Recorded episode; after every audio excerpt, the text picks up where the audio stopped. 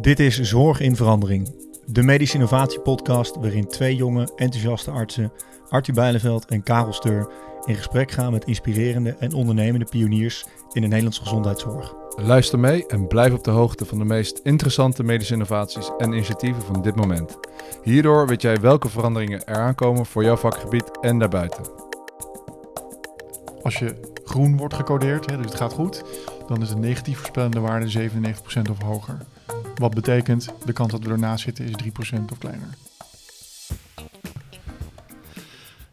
Nou, daar zitten we dan weer, Karel. Ja, we zijn weer los. Alweer uh, aflevering nummer 5 vandaag. Um, en met vandaag bij ons aan tafel een, uh, ja, de oprichter van een hele interessante innovatie... Um, die het mogelijk maakt om heel vroeg in het ziekenhuisproces, als er wordt geopereerd, infecties te herkennen. En op die manier complicaties uh, te verminderen. Tenminste, dat is wat ze zeggen dat ze doen.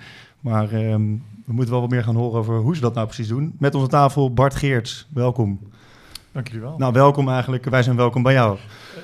De, des te meer welkom. Ja, nee, precies. Dank dat ik hier mag zijn en uh, welkom uh, op ons kantoor. Ja, ja, leuk. Prachtige plek. Hier midden in Amsterdam, een beetje uh, net ten westen van Amsterdam Centraal. Er vaart hier even een viermaster voorbij.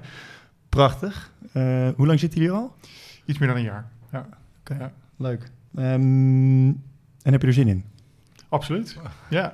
Leuk. Ik heb een aantal van je vorige afleveringen geluisterd met plezier. Dus uh, zeker laten we kijken of ik, uh, of ik het kan matchen. Leuk. Hoe zou te zeggen. Ja, het is, het is een beetje vaste prik. We vragen altijd in het begin van de podcast uh, gelijk iets heel persoonlijks als je het toelaat. Want is er de afgelopen periode voor jou, ofwel persoonlijk ofwel met werk gerelateerd, iets veranderd? Er verandert natuurlijk een heleboel. dat geldt denk ik voor iedereen. Maar voor mij persoonlijk het meeste zou ik zeggen mijn kinderen. ik heb twee zoontjes, zeven en acht. En nou goed, natuurlijk net vakantie gehad.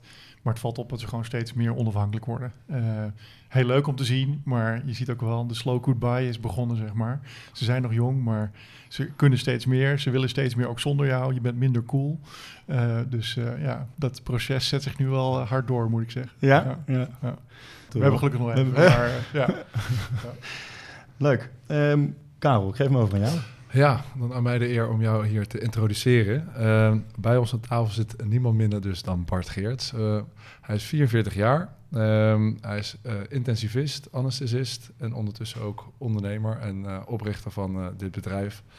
Um, ja, de medische carrière is eigenlijk begonnen in 97 bij de biomedische wetenschappen. Vervolgens heb je geneeskunde gestudeerd, wat is opgevolgd door de specialisatie tot anesthesioloog. Uh, je was nog niet helemaal klaar toen. Toen heb je nog uh, je verder gespecialiseerd tot uh, intensivist. en toen ben je daarna als intensivist in de academie gaan werken. Ehm, wat we nog verder konden vinden is dat we eigenlijk halverwege vorig decennium er ook wel andere dingen begonnen te... of tenminste dat er ook wel andere interesses begonnen te komen. waaronder dus het, het ondernemen of, of, onderdeel zijn van een medisch bedrijf.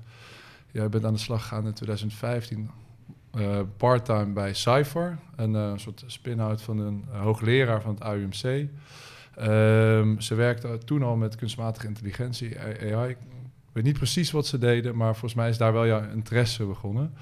En toen in 2017, um, beginjaar van Health Plus AI, hoe ik me dat een beetje kan voorstellen, was dat jij had heel veel ervaring uh, met OK's en perioperatieve complicaties, waaronder dus infecties. Uh, je had bij een bedrijf gewerkt wat met kunstmatige intelligentie werkte. Die twee dingen kwamen toen samen en volgens mij is daar Health Plus AI uit voortgekomen. Ja, ik denk dat het wel een goede beschrijving is. Ja, ja. ja. ja en, uh, vandaag de dag Health Plus AI 14 werknemers. dit jaar willen jullie we zijn nu bezig met de certificering. En dit jaar willen jullie wel nog live gaan met het uh, eerste product, de Periscope. Als ja. ik het goed begrijp. Dus eind van dit jaar is de certificering afgerond. Ja. Dan krijg je hem nog niet. Oké. Dat, uh, daar zit ook weer een wachttijd aan. Het zijn allemaal bureaucratische slagen, zeg maar. En daarom worden dingen natuurlijk ook duurder. Even als zijstap. Um, maar inderdaad, dit jaar willen we gecertificeerd raken. Of willen we dat afronden. Um, en dan de eerste ziekenhuizen aansluiten. Dus we werken nu met vijf ziekenhuizen en willen daar nog vijf aan toevoegen. En dat zijn dan de launching customers, zoals het heet. Ja, leuk. Ja. Spannend. Ja. ja.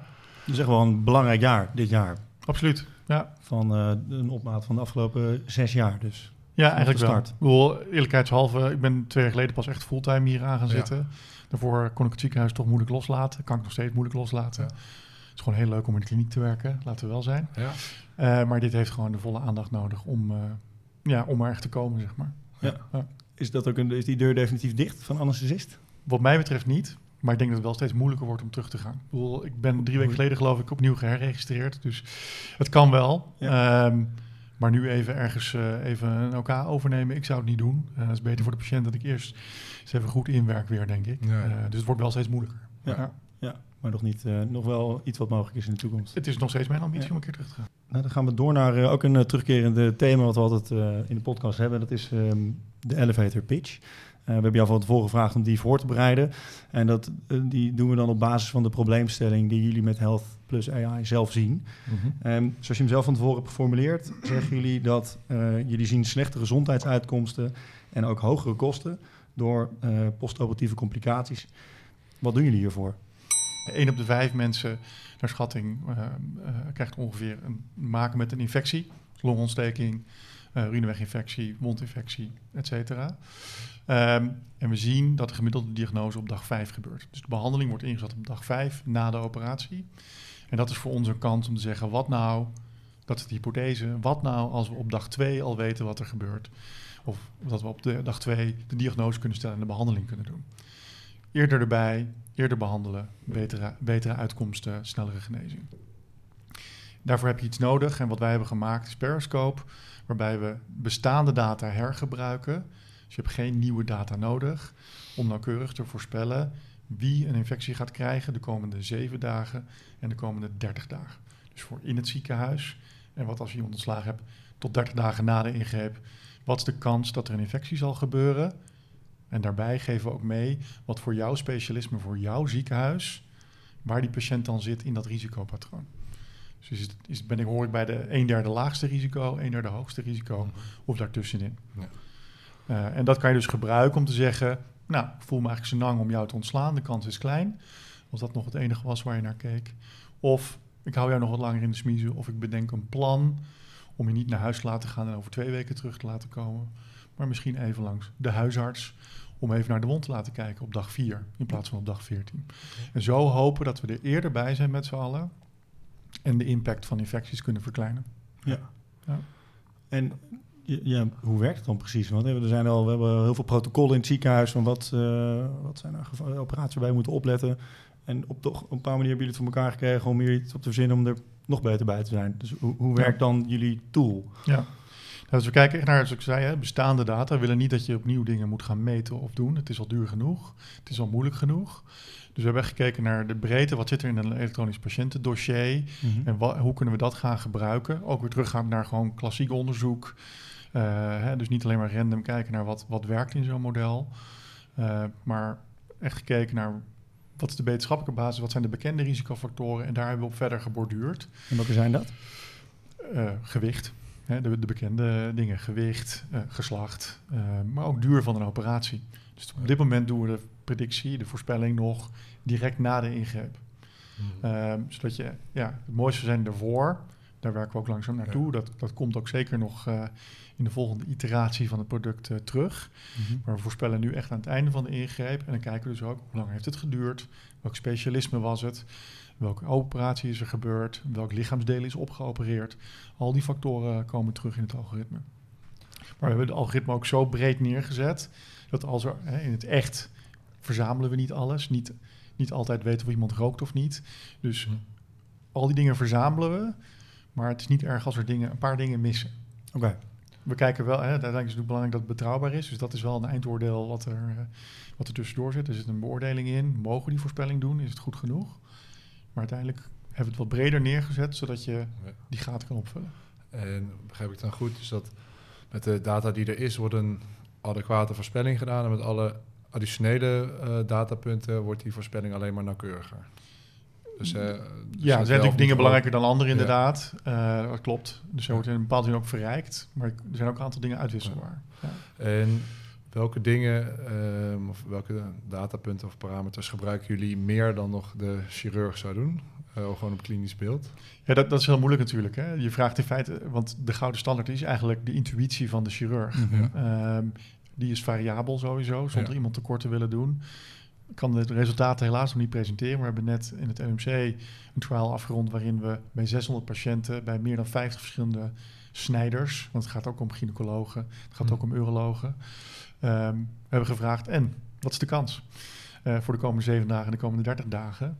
Ehm, en nu is het product zover dat we hem gewoon ernaast kunnen zetten en kunnen vergelijken, alhoewel ik dat minder belangrijk vind. Maar we willen eigenlijk gewoon eens kwantificeren, want dat bestaat eigenlijk nog heel weinig, of hele kleine samples zijn er gemaakt, waarin ze hebben gekeken hoe goed is die gouden standaard nou. Ja. Maar we weten, ook buiten de geneeskunde, dat mensen best wel slecht zijn in patroonherkenning. En nogmaals, ik wil niemand tekort doen, Nee. ehm, maar het is wel moeilijk.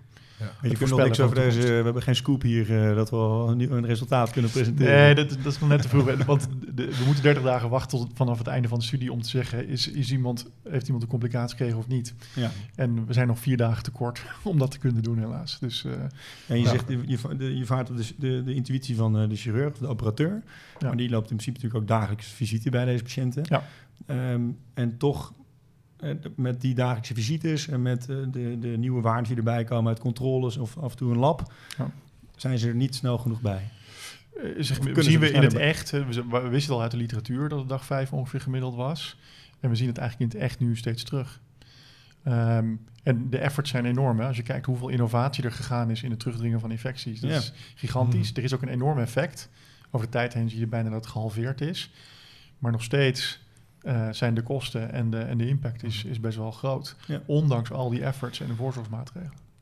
En jullie, en welke tijdspanne is het dan? Is het dan de afgelopen 10 jaar, de afgelopen 50 jaar? Of als je zegt dat het Ik zou het laatste eerder zeggen, maar dat is misschien, eh, ik denk dat de data uit die tijd vrij, vrij moeilijk te krijgen Ja. is. Maar eh, er zijn programma's geweest zoals Enhanced Recovery After Surgery. Ik denk dat het een van de meest succesvolle, brede implementaties geweest Ja. van innovaties in, in, het, in het snijdende veld. Mhm.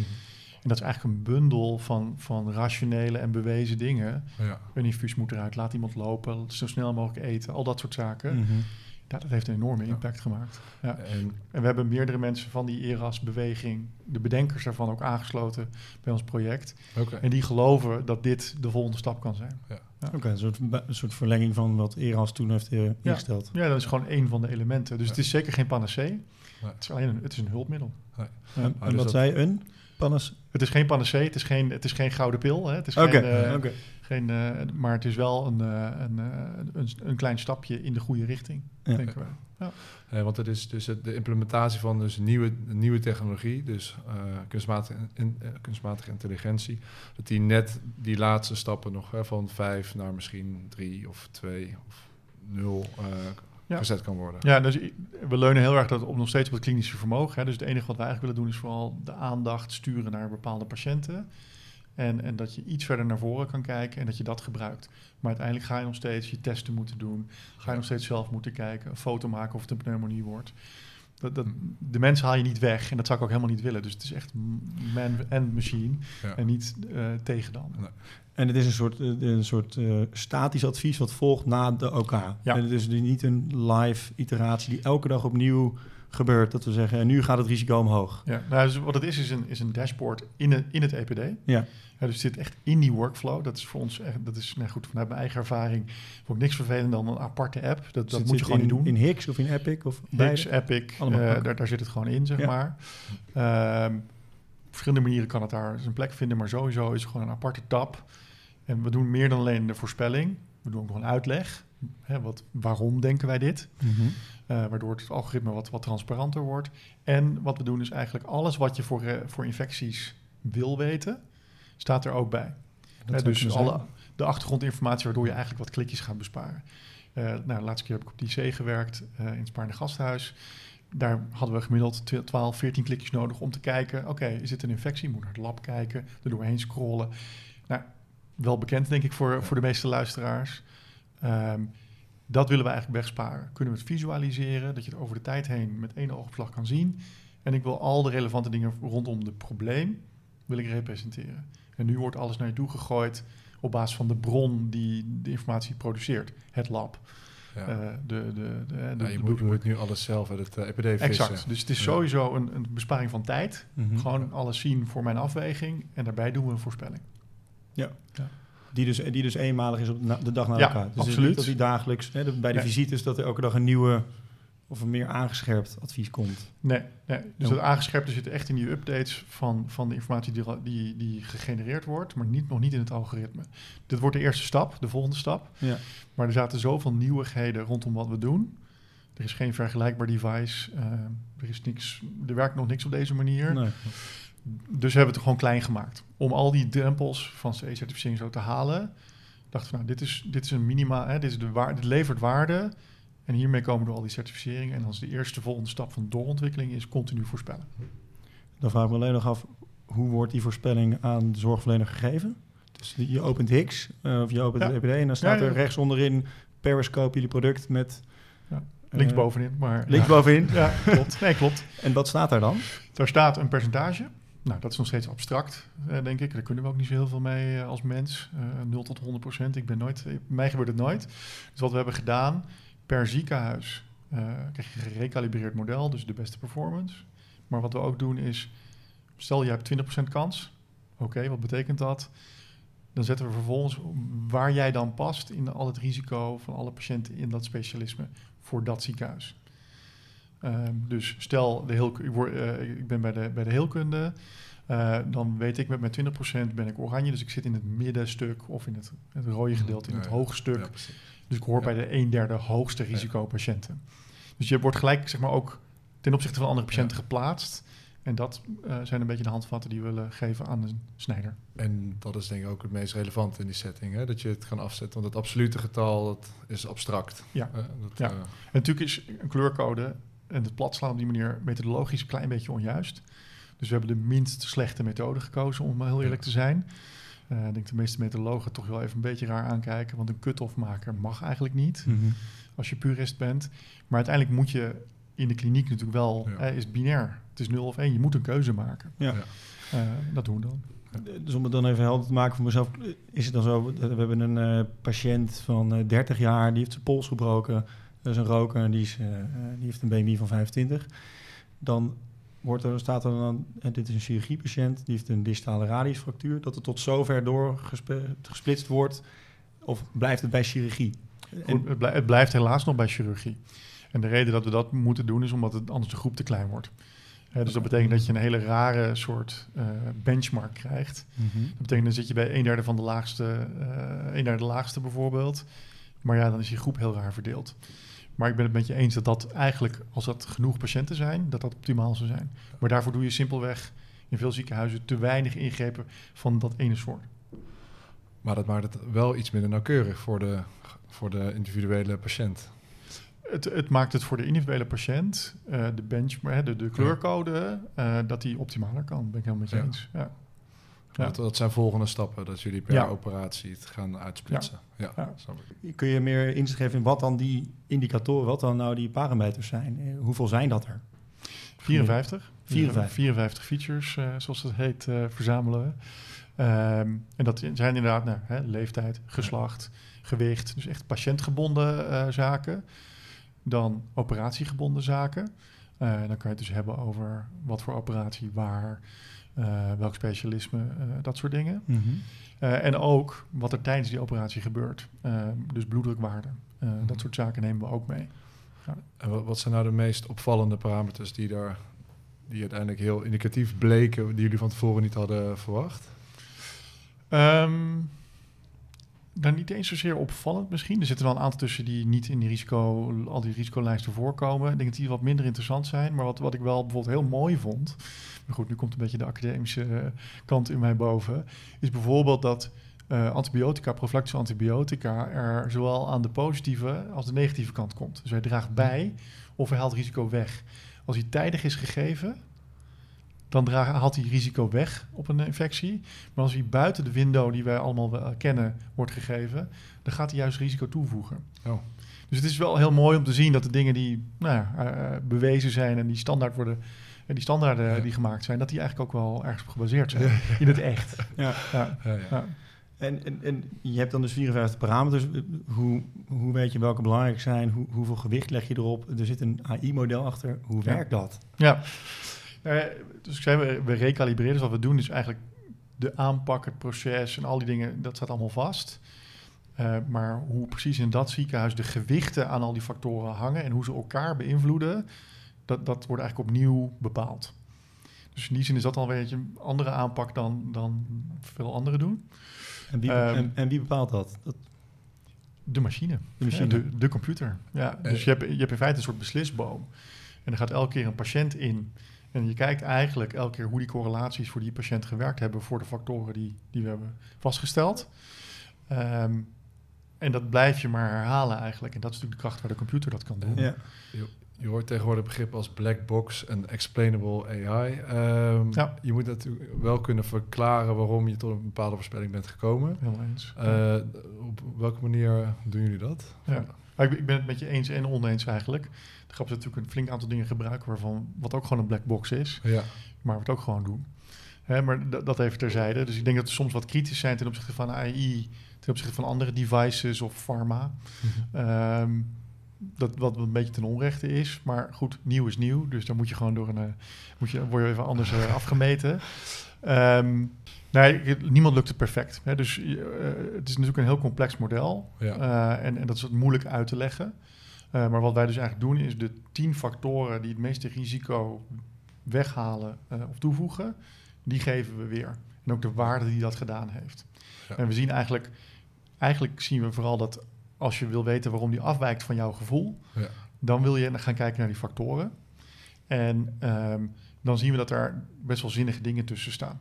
Maar het is correlatiegebonden, dus het is geen causatie. Ja. Dus het is heel belangrijk dat mensen zich ook realiseren, want dan krijg je dus dat het doorslaat transparantie naar de andere kant. hey, natrium is wat, uh, wat hoog en dat zit in het model en dat geeft risico, dus ik ga het natrium verlagen. Ja. dus we willen vooral niet dat mensen die risicofactoren of die features gaan beïnvloeden, omdat dan de uitkomst anders zou zijn. Ja, ja, dat, dat, dat, is, dat hoeft helemaal niet zo te zijn. En dat is dus een beetje het gevaar. Je kan ook doorslaan in je nou, bijna gefingeerde transparantie, zou ik bijna zeggen. Ja. En daarmee een gevaar introduceren. Dus wat we doen is gewoon een weerslag geven van, oké, dit doet het. Ja. Um, nou, en ik denk dat je niet... We hebben ook expres voor dit model gekozen. Terwijl complexe modellen nauwkeuriger zouden zijn met een paar procent om wel deze uitlegbaarheid te kunnen houden. Dus we hebben expres de ene kant een beetje minder gehouden om het wel uitlegbaar te, te houden. Ja. ja. Je, je, zegt, we hebben hiervoor gekozen, zo'n AI-gedreven bedrijf, uit wat voor mensen bestaat zo'n team? De zorgverleners luisteren hier mee. Ja. Wat kunnen die mensen en hoe kunnen ze die beslissing maken? Ja, we werken sowieso met een, met een flink aantal ziekenhuizen. We hebben zes R&D-partners. Uh, en die klinici, uh, wat ik zeg, negeren we vooral eigenlijk. Uh, want we willen het vooral horen van de, van de mensen die praktiseren en de groep. Dus we vragen, dat, dat soort vragen leggen we vooral aan hen voor. Maar intern, we hebben een groep van uh, data scientists. Uh, er zijn twee mensen ook met een medische achtergrond naast mij. Dus we hebben een nou, bijna microbioloog, om zo te zeggen. Op drie maanden na geloof ik heeft ze de microbiologieopleidingen afgemaakt. PhD op IC gedaan. en die is nu de product owner. Ook Scrum Master, dus die zorgt ook dat het IT-team helemaal afgestemd is. Uh, maar dus met name met achter, met een technische achtergrond. En we hebben twee mensen in dienst, bijvoorbeeld voor, alleen maar voor de juridische kant, de regulatory kant. Um, maar uiteindelijk is het de hele groep en die verschillende achtergronden die maakt dat je nou, een aantal keuzes kan voorleggen. Maar uiteindelijk gaan we naar het ziekenhuis toe en dan zeggen we, nou, we hebben deze keuzes. Ja, dus jullie werken echt heel nauw samen met de, de eindgebruikers nog, terwijl je het, terwijl je het ontwikkelt. Absoluut. Alleen, alleen al voor het dashboard hebben we meer dan 200 uh, snijders uh, en verpleegkundigen oh ja. geïnterviewd om, om, uh, om iets vast te zetten. Um, Bart, ik ben ook nog wel heel benieuwd. het, het algoritme en jullie product werkt dus op basis van oudere patiëntendata. Of patiënten die al zijn behandeld. Hoeveel, ja. hoeveel daarvan zijn er nodig om periscope te laten draaien? Ja, de eerste keren wa was het relatief um, veel. Hè. Dan heb je het over 70, 100.000 patiënten. Uh, nu wij eigenlijk weten wat de aanpak is, uh, kan je 20.000, 12.000, die kant op langzaam uh, aan, kan je mee aan om te herkalibreren. Voor een heel ziekenhuis? Ja. Dus voor alle snijdende specialismes? Ja. Oké. Okay. Ja. En als je die de, de uitdaging gaat zijn wel dat je genoeg nauwkeurigheid voor al die subgroepen krijgt. Dus dat is eigenlijk vooral de bottleneck. Wat we doen is ook kijken van hebben we een bias? Hè? Hebben, we, hebben we ergens waar het algoritme een vreemde uitslag geeft? Ik denk dat we genoeg praktische voorbeelden hebben over bias. Um, En wat we dus kijken, doet hij geen rare voorspellingen voor mannen en vrouwen? Nou ja, goed, daar zijn er dan genoeg van in zo'n groep. Ja. Maar ook voor de plastische chirurgie versus een ander specialisme. Ja. En zo hebben we daar een flink aantal subgroepen gedefinieerd. En uiteindelijk zijn we afhankelijk hoe nauwkeurig het model is voor die kleinste subgroep. En dat bepaalt dat we waarschijnlijk niet onder dit soort aantallen door kunnen. Hm. Want dan, dan kan je algoritme niks. En moeten jullie eh, echt alle specialisten mee hebben met een nieuw ziekenhuis om het te laten draaien? Of stel alleen de chirurgie doet mee met de gynaecologie en die zeggen van de afgelopen tien jaar mogen jullie onze data hebben en daar komen 30.000 patiënten uit, ik zeg maar wat. Ja. Dan zou die ook werken? Dan zou die ook werken. Ja. Alleen wij hebben wel eh, als aanpak, weet je, de moeite van de implementatie die je doet. En dat wordt steeds minder, maar die is er wel. Ehm, ja, dat moet wel wat waard zijn. Dus het is, het is, we rollen het eh, het liefst gewoon over het hele ziekenhuis uit. Ja. Mhm. Ja. Jullie hebben al behoorlijk wat onderzoek gedaan ook hè, naar de effect van, de, van Periscope. Ja. Ehm, wat zien jullie in de praktijk? Hoe goed werkt het nou eigenlijk? En hoeveel beter is het of, eh, dan een chirurg die het niet gebruikt? Ja. Nou, hoe, hoe goed het is ten opzichte van een chirurg die het niet gebruikt, kan, kan ik nog niet zeggen. Nee. Daar moeten we nog wel wat onderzoek voor doen. Dus, en het is ook een adjunct eraan. Dus ik zou, ik zou daar eigenlijk weg willen blijven en vooral kijken van hoe, hoezeer zijn ze samen eh, een aanvulling op elkaar, zeg maar.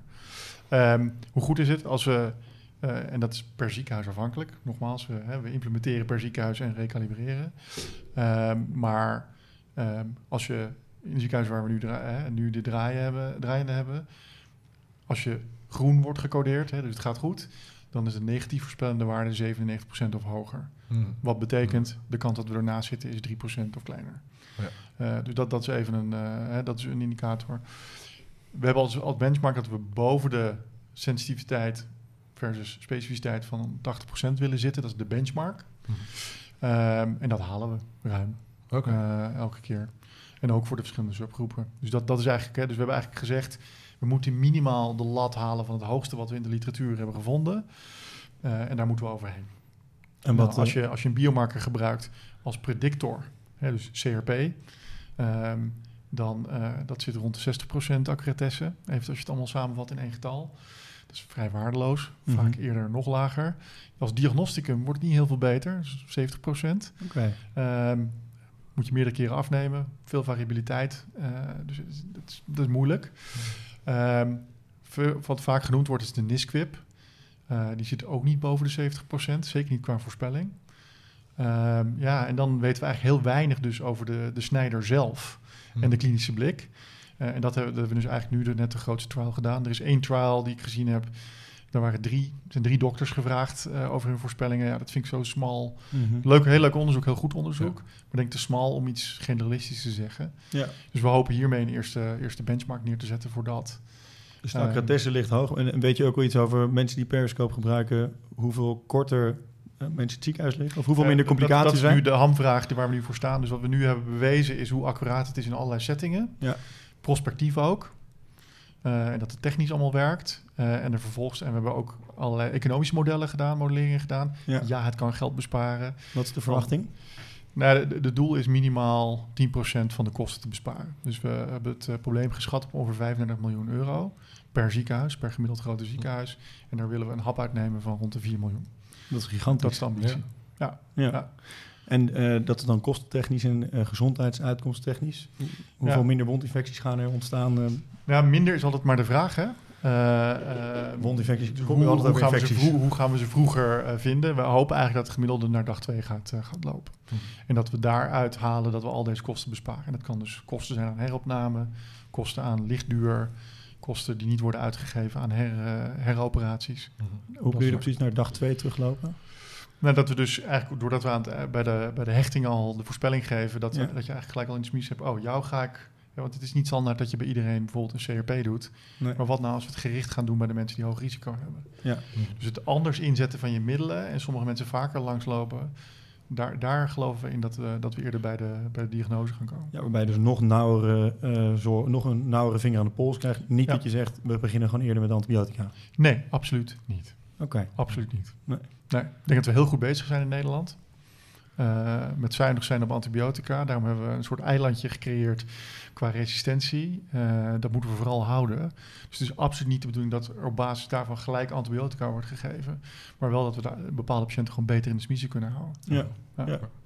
Spannend. Dus dat eh, is een belangrijke, belangrijke periode die eraan komt. Absoluut. En Ja. eh, wat, wat eh, hebben jullie ook eh, financieel een inschatting van wat het kost? Ja, eh, we hebben eh, als uitgangspunt ge- genomen dat we onder de kosten zitten van een eenmalige CRP-bepaling Ja. Per patiënt. Oh, per patiënt. dat is een paar euro. en waar heb je dus. het dan over? Dan hebben we het over een tientje. En is het, Ja. ehm, be- betaalt eh, een ziekenhuis, ben een nieuw ziekenhuis, ik wil met Periscope samenwerken, betaal ik dan per patiënt dat bedrag? Ja. Of betaal ik een vast bedrag per jaar? Nee, dus de, op, voor volume. Hè, dus we kijken echt naar het volume. Het is niet dat iedereen lump sum eh, één bedrag betaalt. Het is echt afhankelijk van, van hoe groot je ziekenhuis is. Klinkt, eh, klinkt als een eh, no-brainer om dat te gaan gebruiken. Oh. De intercollegiale lijn, Ja, volgens mij. volgens mij, eh, we hebben een beller. Even kijken, wij hebben aan de lijn Marco Hoed, vaatchirurg in het Albert Schweitzer ziekenhuis in Dordrecht. En eh, die heeft een vraag voor jou, Bart. In de chirurgische praktijk kennen wij hoogrisicopatiënten bij langdurige ingrepen of gebruik van eh ja, prothesemateriaal, waarbij het nogal consequenties heeft als je infectie krijgt. En die mensen krijgen allemaal profilactisch eenmalig een antibiotische dosering. De andere ingrepen die krijgen dat niet. En daar gaat het natuurlijk om. Dat zijn er best veel. En daarom is voor mij de vraag: hoeveel arbeid kost het om alle data te verzamelen, te implementeren in het systeem per patiënt. Want als wij dat zelf moeten doen, of iemand van ons personeel, dan leidt dat over het algemeen tot weerstand. Daarom vraag ik me af of het mogelijk is om dat algoritme met alle data geautomatiseerd te verkrijgen, zodat het automatisch met een druk op de knop te verkrijgen is. Ik ben benieuwd naar jullie antwoord. Dank Marco voor je vraag. Ehm, Leuke vraag. Absoluut. En eh, ik zou bijna zeggen, het lijkt wel vooringestudeerd. Dat is het niet. Maar ja, d- dit is precies een van de pijnpunten die we natuurlijk eh, zelf ook ervaren hebben in ons werk. Dus eh, de, was- de absolute uitgangspunt was eh, werken met wat er is. Geen nieuwe metingen doen. Eh, dus we hebben zelfs de druk op de knop hebben we weg, eh, weg, het wordt gewoon, het is echt een push-and-pull model met het EPD. Dus dat betekent dat, er, dat het geüpdate wordt, dat er geen nieuwe metingen nodig zijn. Er hoeft niks te worden ingevoerd. Dat is echt een, een proces wat buiten je om gebeurt en, voor je klaar staat. Dat is denk ik in tegenstelling tot veel soort van nieuwe innovaties die worden geïmplementeerd op afdelingen. Dat kost bijna altijd meer werk. Ja. Voor, ik, ofwel, ik, ik denk dat het komt omdat eh, hier iemand, de, eh, de oprichter is iemand die lang in de kliniek heeft gewerkt. Eh, en dus die weet eh, ja, hoe moeizaam bepaalde implementaties gaan als het allemaal extra klikjes en allemaal extra schermen Ja. eh, nodig heeft. Nou, ik denk, we zijn ook allemaal gewoon consument. En ik denk dat in, in de, in de, als we consument zijn, wordt er heel erg gel- gelet op hoe wij naar ons zin kunnen krijgen. En, en, en is dat ook een manier om dingen verder te verkopen natuurlijk. Laten we wel zijn. Maar ik denk dat, dat, dat we dat heel erg missen. Dat ondersteund worden in je proces en niet inderdaad er iets bij krijgen eigenlijk. Dat is heel ondankbaar. Dat wilden we echt weg hebben. Dus eh, ik denk het inderdaad. Ja. En is dit dan ook een van de grote voordelen van AI? Want je gebruikt eigenlijk alle data die in het verleden al heeft opgenomen ergens. Ja, nee, je gebruikt het verleden en het heden voor de patiënt van nu. Ja, klopt. Ja. En dat is natuurlijk waar de computer inderdaad een stap verder kan gaan. Ja. Want die bibliotheek, hè, als, als anesthesist, zeker als cardioanesthesist, max drie patiënten per dag had ik in mijn leven misschien 12.000 patiënten gezien. Mhm. Nou, had mijn bibliotheek was 12.000 patiënten geweest. Ja. Maar de bibliotheek van een computer, oké, minder rijke data, want het is een EPD, eh, is natuurlijk uiteindelijk eh, groter. En, da- en daarom denk ik dat er wel degelijk een rol is. Heel interessant. Ja, zeker, zeker. We hebben eigenlijk al heel veel gehoord over eh, hoe, hoe het is ontstaan. En jullie zijn nu be- bezig met, die, met de audit. Eh, vanmiddag nog, eh Ja, tenminste waren jullie aan het vieren. Volgens mij dat de, dat de volgende stappen was gezet daarin. Ja. Eh, en eind dit jaar willen jullie echt live gaan in de ziekenhuizen. Ja, nou ja, goed, op z'n vroegst. Maar laten we zeggen, eh, Q1 volgend jaar eh, willen we gewoon in al die ziekenhuizen Ja. eh, live gaan. Waar staat Health Plus AI met Periscope over vijf jaar? Nou, hopelijk ons, eh, ons bescheiden doel is om eh 5 miljoen patiënten per jaar aan te raken. Dat klinkt eh, enorm groot. Maar door de partnerships met de EPD-leveranciers zou dat wel eens kunnen lukken. Hm. Ehm, Vijf Onze miljoen is- per jaar. ja, Maar het klinkt heel, heel on-Nederlands misschien om het zo hardop te zeggen. Eh, Ja, Ik ga er bijna zelf van blozen. Maar nee, we, hebben, echt- we hebben een ambitie om, om zoveel mogelijk patiënten aan te raken, om zo te zeggen, om te kijken of we daar kunnen assisteren. maar dat is onmogelijk, lijkt me binnen Nederland. Ja, nee, dus die ligt ook zeker daarbuiten. Dus dit is op dit moment nu EU-breed. dus we zijn nu met, met mensen in Denemarken bezig. We zijn eh, eh, met mensen in Noorwegen eh, bezig. We zijn in België bezig. Dus dat, eh, ja. En, en, en landelijke dekking in Nederland? Of eh, zeg je Ja, landelijke dekking... zo snel mogelijk naar het buitenland? Nee, oh nee, zeker. Ik bedoel, eh, het begint in je achtertuin. Ehm, en, en, en uiteindelijk gaat het ook om feedback. Hè? Dus deze fase zeker. Gaat ons voor helemaal nog niet om schaal in deze fase. Het gaat ons nu echt om hoe zorgen we dat de implementaties hartstikke goed gaan en niks meer te wensen overblijft. Eh, en hoe zorgen we dat de eindgebruiker ontzettend blij hiervan wordt. En, en hoe gaan we die, Ja. die verbeteringen die ze willen zien eh, doorvoeren. Dat is onze focus Ja. nu. Dus nu gaan we vooral snel door stil te staan bijna. Ja. eh, om vervolgens dat, dat te versnellen. Eerst goed leren lopen voordat je gaat rennen. Exact. Ja. En dat is precies zoals mijn eerste opleider bij de anesthesie het zei. Oké. Eerst goed kunnen, dan snel. Merk je nog, wat- ik nog interessant vind, eh, eh, dit, is, dit zijn grote ambities voor over een paar jaar. Jullie zijn al nu, eh sinds twee jaar fulltime bezig, maar eigenlijk al langer met Ja. eh, Periscope bezig. Ja. Zit er een druk achter vanuit eh, bijvoorbeeld een geldbron Altijd. die opgaat? Hoe, hoe, Tuurlijk. hoe werkt dat? Met wie werken jullie samen Ja. om dit te kunnen draaien? Ja, nee, ze hebben eh, best wel wat eh, grants opgehaald eh, tot heden. En uiteindelijk zit er ook, eh, ook durfkapitaal in. Dus er zit, eh, ja, natuurlijk zit er geld achter. Die 14 mensen moeten, moeten betaald worden. En dat is natuurlijk ook de uitdaging. Hè, het is best wel een lang traject als je het vergelijkt met andere sectoren om een, om een bedrijf te starten. Ja. Eh, bedoel, je hebt nog geen cent verdiend en je bent al een paar jaar onderweg. Eh, uiteindelijk willen investeerders natuurlijk geld zien. Eh, en dat risico moet een keer terugkomen. En dat is natuurlijk ook een beetje, misschien ook wel een oproep aan, aan zeg maar BV Nederland. Uiteindelijk denk ik dat we er allemaal bij gebaat zijn als we een soort sandboxes creëren waar de inspectie, eh, de overheid, maar ook verzekeraars, innovaties die een bepaalde mate van veiligheid al hebben aangetoond, misschien al eh, laten zien dat het tractie krijgt. hey, dit, is, dit willen we gebruiken en het werkt. Dat je dat eigenlijk in een soort vergoede omgeving kan doen. Mhm. Dat is voor ons te laat. Maar eh, ik denk voor de volgende wel heel goed dat dat zou bestaan. Zoals in Duitsland bijvoorbeeld. Niet het meest gedigitaliseerde land overigens. Dus best, best wel bijzonder. Maar dat zou wel betekenen dat die tijd korter wordt. Eh, en daarmee ook de kosten voor dit soort oplossingen. We, willen hem echt neerzetten als een laag kosten alternatief. Ja.